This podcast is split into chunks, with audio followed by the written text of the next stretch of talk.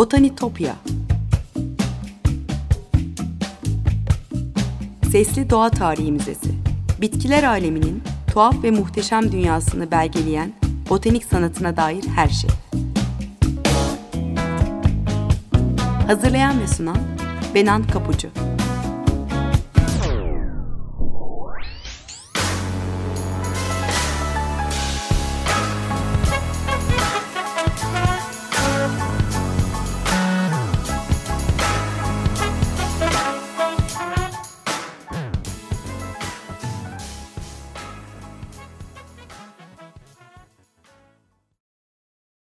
Merhaba sevgili Açık Radyo dinleyicileri.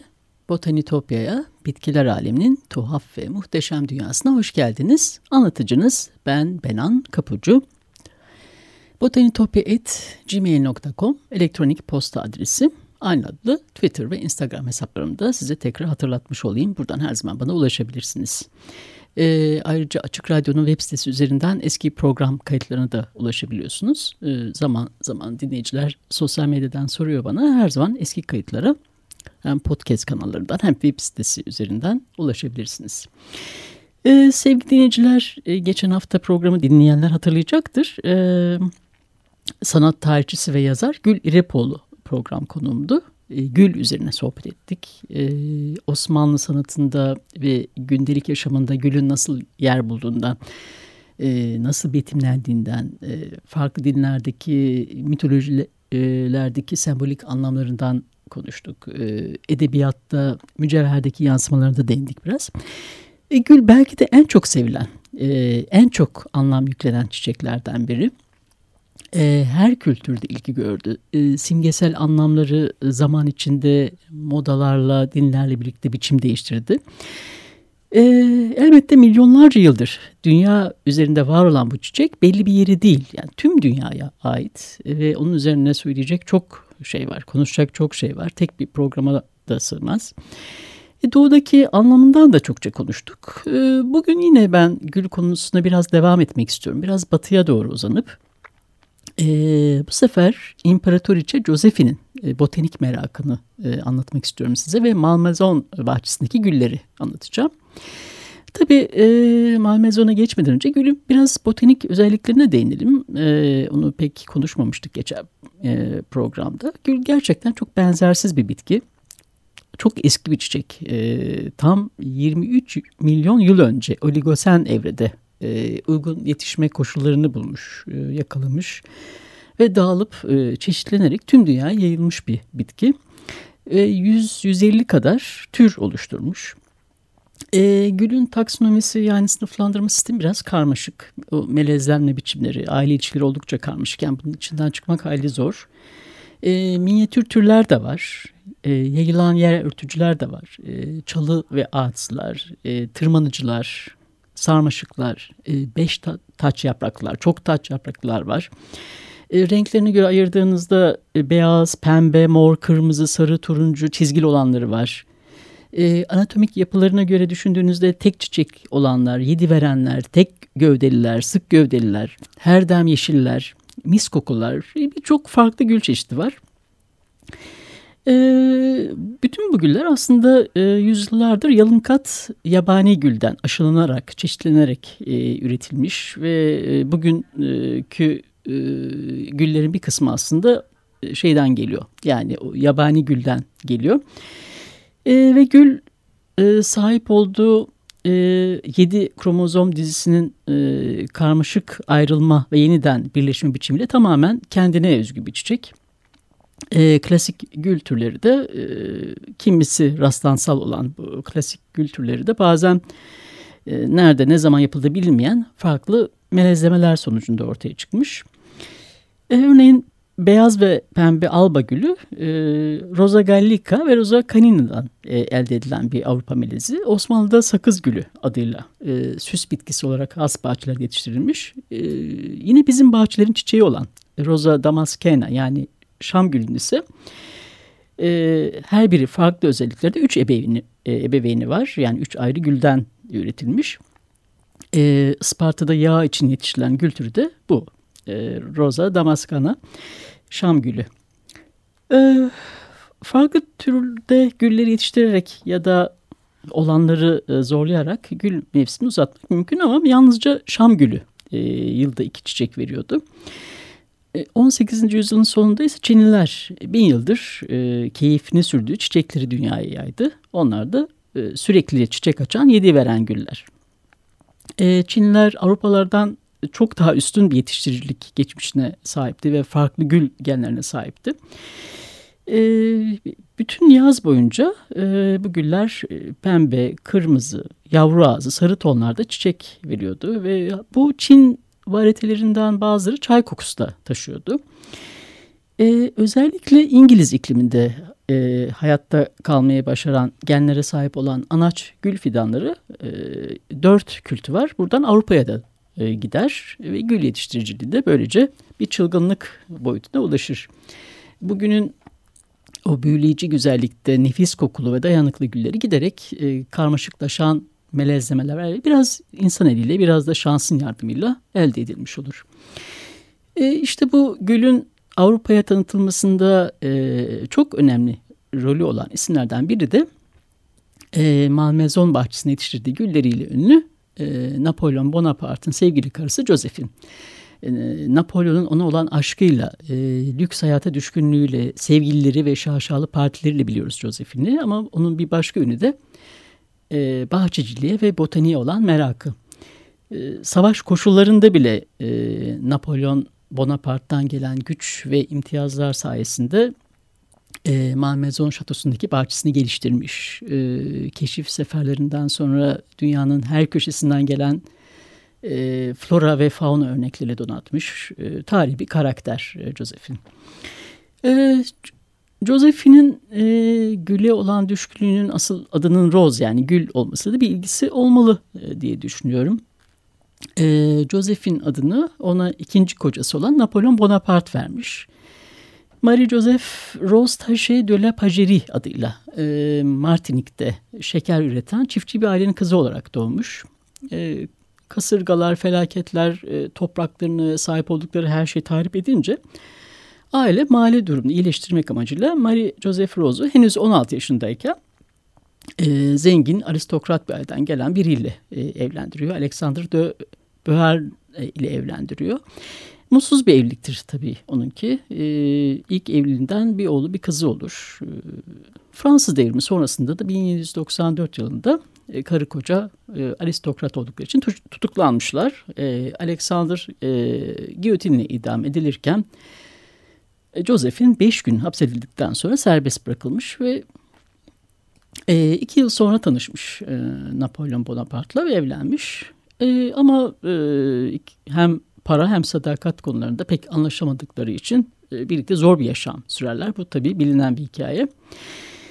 E, Josephine e, gülleri, e, egzotik bitkileri ve bahçesiyle ünlü Malmezon'u da 1799 yılında e, Napolyon Mısır'da savaşırken o sıralarda almış. E, Paris'in hemen dışında küçük bir şatodur burası. E, hatta harap durumda olan evi 300 bin frank karşılığında satın aldığı için e, Napolyon savaştan döndüğünde fena kızmış ona. Ama kısa sürede evi eski ihtişamına geri döndürmüşler. Hatta daha sonra 1800 e, 1802 yıllar arasında Napolyon e, burayı Malmezon'un hükümetin merkez binası olarak da kullanmış. E, 650 dönümlük bir arazi üzerine kurulu burası ve yüzlerce ağaç dikilmiş. E, İngilizlere özgü manzara tasarımına odaklanan e, bir bahçecilik anlayışına uygun olarak e, Louis Martin Berthaud tasarlamış tüm araziyi. Üzüm bağları da varmış.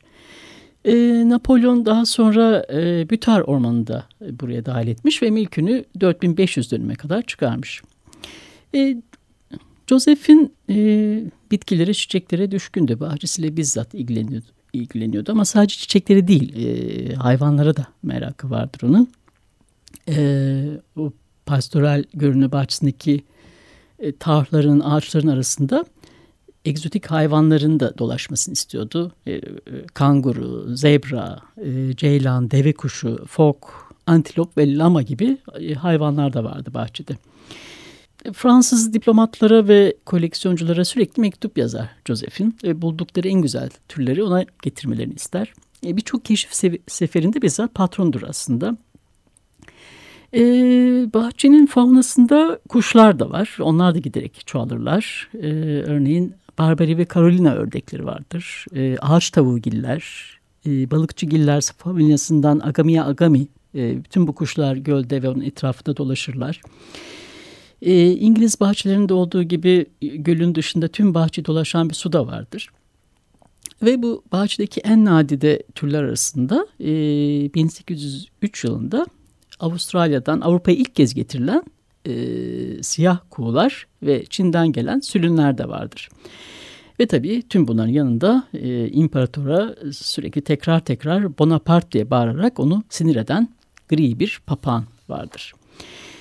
E, işte bu pastoral bahçenin en değerli konukları da güller. E, her şeyden önce e, Josephine'in e, gülü tıbbi ve aromatik bir bitki olduğu için değil, güzel görünümleri için yetiştirdiğini söylemek gerekiyor.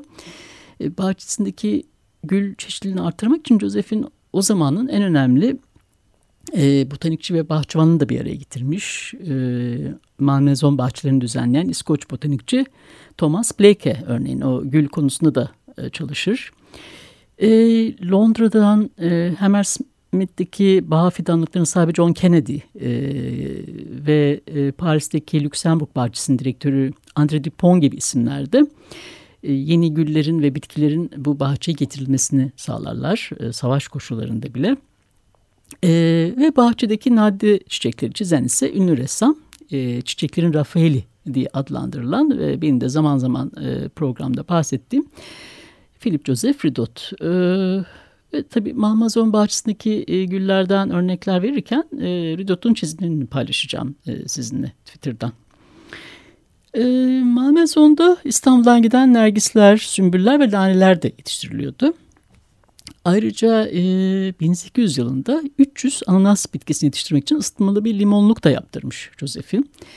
5 yıl sonra seralar kurdurmuş ve e, burada Fransa'nın iklim koşullarında e, egzotik ülkelerden özellikle Batı Hint adalarından getirilen 200 yeni bitkiyi kültüre almayı başarmış. E, tahlara, saksılara ekilen ya da uzun ömürlü yaban bitkilerin arasında dağıtılan çiçeklerin yarattığı bu yemyeşil cennetinde Josephine, e, Jean-Jacques Rousseau gibi e, romantizm akımını izleyen yazarların edebi metinlerinde tarif ettiği o manzaralarda olduğu gibi doğanın özgürce ve olduğu haliyle e, kendini ifade etmesini istiyordu. Evet, e, biraz müzik arası verelim sevgili dinleyiciler. E, sonra Josephine'in gülleriyle devam ederiz. E, Tchaikovsky'nin eseri Fındık Kıran Bale Suite'inden Çiçeklerin Valsi bölüm dinliyoruz.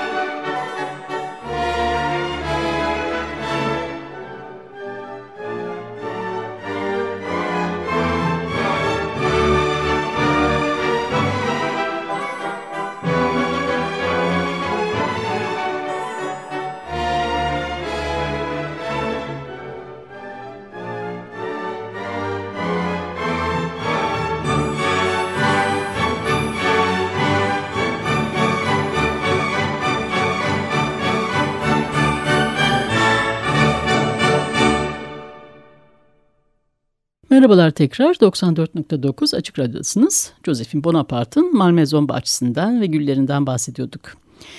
Evet onlarca egzotik tür arasında elbette en sevdiği çiçek güldür Josephine'in.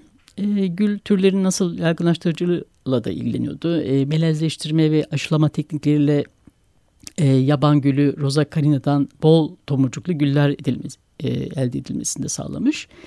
Ve 1804-1814 e, yılları arasında epeyce bir geliştirmiş gül koleksiyonunu. E, bir yüzyıl sonra e, Almanya'daki Zangerhausen ve Paris'teki onun Paris dışındaki Ley bahçesi kuruluncaya dek dünyanın en büyük ve en kapsamlı gül koleksiyonu olarak biliniyordu burası. Yaklaşık 250 tür ve varieteleri vardır. Çoğu Gallica e, gülüdür bunların. E, Gallica gülüne Fransız gülü, Provence gülü de deniyor. E, Orta Avrupa'da yetişen ilk gül türlerinden biriydi. E, ayrıca Osmanlı'da okka gülü olarak bilinen e, bir başka Provence gülü Rosa centifolia ve varieteleri de vardır. Çin gülleri vardır. E, Damask yani Şam gülü de baştaki güllerden biriydi. E, beyaz renkteki alba gülü e, vardır. Ayrıca e, Güney Avrupa ve Kuzeybatı Afrika'ya özgü e, bizde kara kuşburnu da denen burnet gülü e, de vardır. E, Spinosissima da deniyor. E, açık sarı renkte sarmaşık türü Rosa Banksia vardır. Mis gülü vardır. E, mera gülü veya alçak gül olarak bilinen e, Kuzey Amerika'ya özgü çalı tipi Rosa Carolina ve yine e, Missouri kökenli Rosa setigera gibi bir sürü e, gül var tabii. İmparatoriçe olmanın savaş zamanında bile ona kazandırdığı ayrıcalıkları vardı elbette Josephine'in. O, o günlerde Tabii bunun, bütün bunların nasıl mümkün olabileceğini hayal etmek biraz zor. Yani savaş koşullarında bile bahçesini geliştirebilmiş. E, bu tabii tutkudan öte bir şey olsa gerek diye düşünüyorum. E, Napolyon'un donanması e, savaş sırasında ele geçirdiği gemilerde eğer e, sevgili karısının sevebileceği herhangi bir bitki ya da gül tohumları varsa doğrudan Malmezon'daki bahçesine gönderiyormuş. E, bunları el koymakla da kalmamış. Bitkileri e, taşıyan herhangi bir İngiliz gemisi için özel lisans da vermiş. E, bu tabii Josephine'in Londra fidanlıklarından çeşitli güller ithal etmesini de kolaylaştırmış. E, ki Kraliyet Botanik Bahçeleri Müdürü, Müdürü Sir Joseph Banks'in e, Fransa ve İngiltere arasındaki savaşa rağmen e, güllerini de gönderebileceği anlamına geliyordu. Sir Abraham Hume 1809 yılında pembe çay kokulu Çin e, Doğu Hint adalarından İngiliz bahçelerine getirdiğinde e, bunların Malmezon'a ulaştırılabilmesi için e, İngiliz ve Fransız amiralleri özel bir anlaşma yapıyor. E, deyim yerinde ise savaşı durduruyorlardı. E, Josephine'in gül bahçesi için değerdi ne de olsa. E, Josephine'in e, bahçesine binbir emekle getirilen e, çay kokulu pembe Çin gülü e, bilimsel adıyla Rosa indica odorata e, tatlı kokulu bir Hint gülü. E, dediğim gibi İmparatoriçe'nin isteği üzerine özel bir lisansla 1811 yılında e, Londra'dan e, John Kennedy tarafından Malmezon bahçesine gönderilmiş. E, Josephine'in koleksiyonu e, Fransız botanikçileri yeni varyeteler üzerine çalışmaya da yönlendirmiş. E, Josephine'in baş ahçıvanı, e, baş e, bahçıvanı André Dupont çoğu yeni 200 yeni varyete e, yetiştirmiş. E, Josephine ayrıca e, Malmaison bahçesindeki gülleri ve diğer çiçekleri çizmesi için dediğim gibi Pierre Joseph e, Ridot e, ve tanımlaması için e, botanikçi Etienne Pierre Ventena ile de birlikte çalışır. E, tabii Malmezon bahçesinde İmparatoriçe Josephine e, ile yaptığı bu mutlu iş ortaklığı e, Ridot'un da en verimli olduğu ve en güzel eserlerini çıkardığı yıllar olur. E, düzenli bir maaş karşılığı bu, çalıştığı bu işte sadece işine konsantre olabilecek ve en iyi işlerini çıkaracaktır. E, ve burada yaptığı çizimlerden ortaya çıkan e, önemli eserler vardır. Zaman zaman da bahsediyorum. E, Pierre Joseph Ridot e, Malmaison bahçesindeki gülleri de resmeder ama Josephine o kitabın e, tamamlandığını göremez. 1814 yılında hayatta e, veda eder.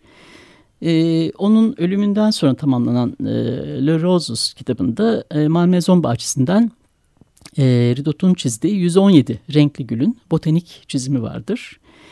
E, Joseph'in ölümünden sonra e, bahçe de biraz düşüşe geçer. E, uzun yıllar sonra e, burası el değiştirdiğinde e, güller sökülür, gül bahçesinin izi bile kalmaz ama tabii şunu eklemek gerek. Joseph'in güllerle ilgileniyordu elbette ama onları bahçesinin sınırlarına diktiriyordu. Bugün var olan gül bahçesi 20. yüzyıl başında e, Malmaison Şatosu halka açıldığında yapılmıştır aslında. Evet sevgili dinleyiciler e, gülle ilgili konuşacak daha çok konu var. E, yarım saatlik programa bu kadarını sığdırabildim. Joseph'in hikayesiyle ilgili e, uğruna savaşın bile durduğu dize geldiği bir çiçekten, gülden konuştuk. E, sosyal medya hesaplarımda hatırlatmış olayım. botanitopya.gmail.com elektronik posta adresim. Anladı Twitter ve Instagram hesaplarımda var. Buradan her zaman bana ulaşabilirsiniz. Tekrar görüşünceye dek sevgiyle ve doğayla kalın.